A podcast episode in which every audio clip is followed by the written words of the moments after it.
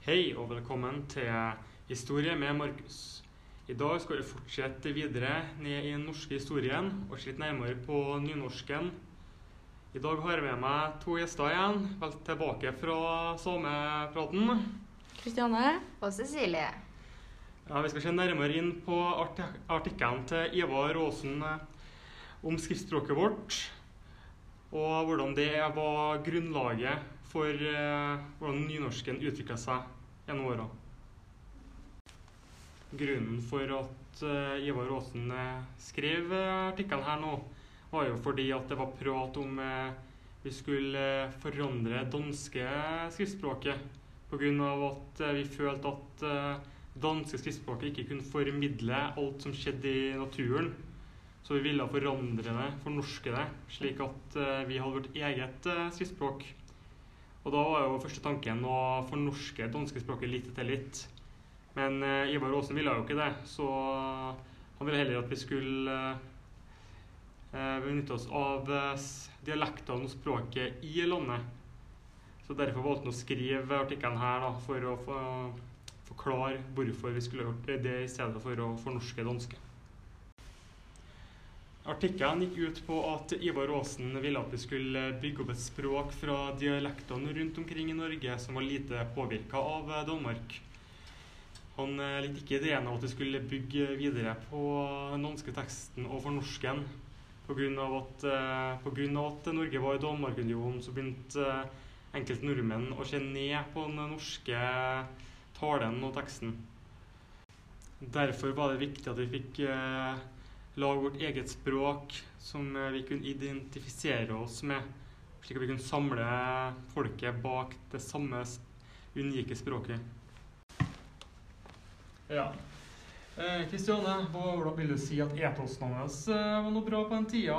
Fordi at eh, vi vet jo godt at etosen hans er bra eh, nå til dags, men hvordan var han på den tida når artikkelen kom ut? Nei, det er jo mye diskutert. Eh, fordi at når han Ivar Aasen skrev denne teksten i 1836, så var han bare 23 år gammel og jobba som lærer på en sånn lokal skole. Mm. Eh, han var sjøllært. Eh, og informasjonen, eller lærdommen han hadde lært, det var jo gjennom bøkene han hadde lest på gården. Så med tanke på at han er så ung og ikke har noe mye sånn utdanning, så vil nå jeg si at etosen kanskje ikke er så mye å skryte av når han skrev den her. Men det han gjorde, det var at han skrev den artikkelen her, og så la han den eh, i skuffa. Lå skuffa.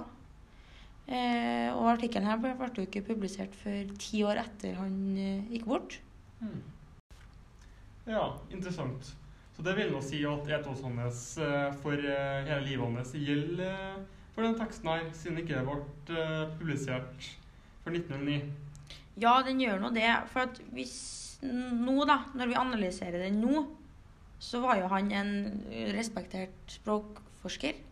Eh, reist, eh, han reiste vel landet rundt og samla dialekter. Men det gjorde han jo etter han skrev den her. Så det her ble jo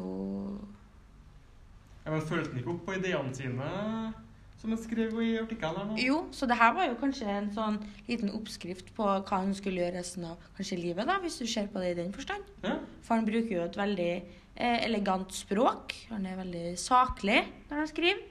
Og, og er måten han skriver på, er litt så folkelig, da. Fordi at han eh, ser ting fra, ikke fra sånn, sånn fantastisk syn at det her skal skje over natta, og sånn flott og fint, men at det skal skje gradvis, og det er jo mer overkommelig. Ja. Så bruker han pasosen sin for å forklare hvorfor han vil at vi skal gjøre det sånn. Cecilie, vil du komme med et eksempel til patosen som ble brukt i teksten her? Ja, Ivar Aasen han spilte jo på følelsen, følelsene til alle leserne sine. For teksten den var så gripende, og han ville at alle sammen skulle liksom, at vi skulle ha vårt eget skriftspråk. Vi, han ville at vi nordmenn skulle liksom være stolt av språket sitt. For det, for det er så mange som ser ned på det. Og han vil heller ikke at vi skal bli sett på som, som vi var når vi var under de danskene.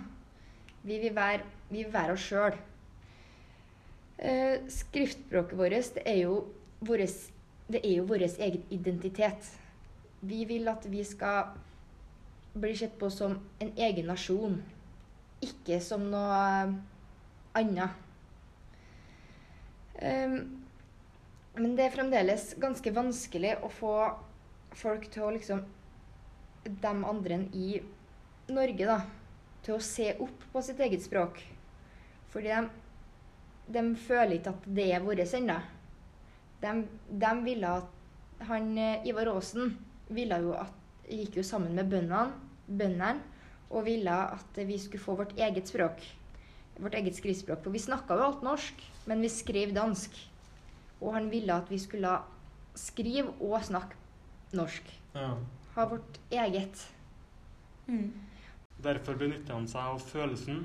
At vi, at vi skal benytte oss av vår eh, egen språklige arv i stedet for å ta vi være virkelig på følelsen av at vi skal benytte oss av vår egen språklige arv i stedet for å bare være kopi av det danske. Ja, akkurat. For følelsen av å være norsk, det var veldig sterkt eh, for oss nordmenn.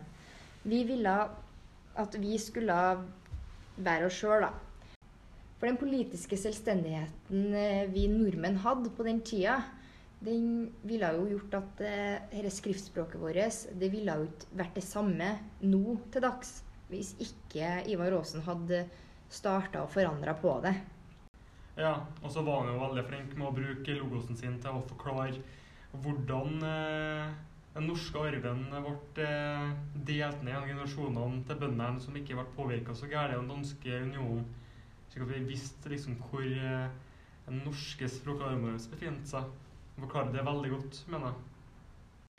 Ja, det kan virke som at eh, den argumentasjonen Ivar Aasen bruker i teksten sin, er at han henvender seg litt til nasjonalismen. da. At et land har samme språk, og vi er jo ikke en egen nasjon hvis vi deler språk med andre. Og så er han jo veldig fornuftig, da, for han kommer jo med forslag til hvordan det her kan løses. Med at kan, eh, ordsamlingene skal sendes inn til et selskap av dyktige, språkkyndige menn. Og, sam, og skal sammenligne ordene og velge ut hvilke ord som vi skal bruke. Og da kommer, sier han også at han ønsker at det skal bli en norsk ordbok. Og en eh, lik grammatikk da, som alle skal forstå seg på. Eh, ja, hva synes dere om det her som en eh, retorisk analyse av teksten? Eh, jeg syns det er en veldig god tekst. Eh, men det er jo litt sånn Den passer kanskje litt Eller appellerer veldig godt til dem som støtter seg mye på nasjonalismen, kanskje. Mm. Eh, men likevel så ser en flere perspektiver. Ser både for dem som eh, ikke har lært seg å skrive ennå, og dem som har lært seg å skrive dansk, da, som det var på den tida. Mm. Uh, ja, for jeg føler jo det at uh, den uh, denne teksten her, den er jo skrevet på en så bra måte at den får frem jo alle punktene som han vil. Sånn som det at han vil at alle sammen skal liksom lære seg å skrive nynorsk, få sin egen At det, vår, vår, nasjon skal få sin egen identitet med at alle sammen lærer seg å skrive et, vårt eget språk. Mm. Selv om at ikke alle sammen kan det ennå, og folk er vant til å skrive dansk. Men at folk eh, da skjønner det at det blir eh, At vi får vårt egen identitet. Og det er, det er veldig viktig å få vårt eget istedenfor at vi skal ha dansk som et skriftspråk. Mm. Eh, det jeg synes er mest interessant med teksten, det er jo at vi kan se oppskriften på hvordan Ivar Aasen valgte å bygge opp nynorsken mm. med at han får til bøndene på forskjellige steder i landet som ikke har påvirka og hvordan han satte opp. Så det mente jeg var veldig interessant. Mm. Eh, nå er tida over for Historie med Markus for denne uken, så vi må avslutte. Det var hyggelig å ha dere her. Mm, takk, takk, for at vi fikk være her. Tusen takk. Ja, det var veldig hyggelig. Ha det. Ha det bra. Ha det.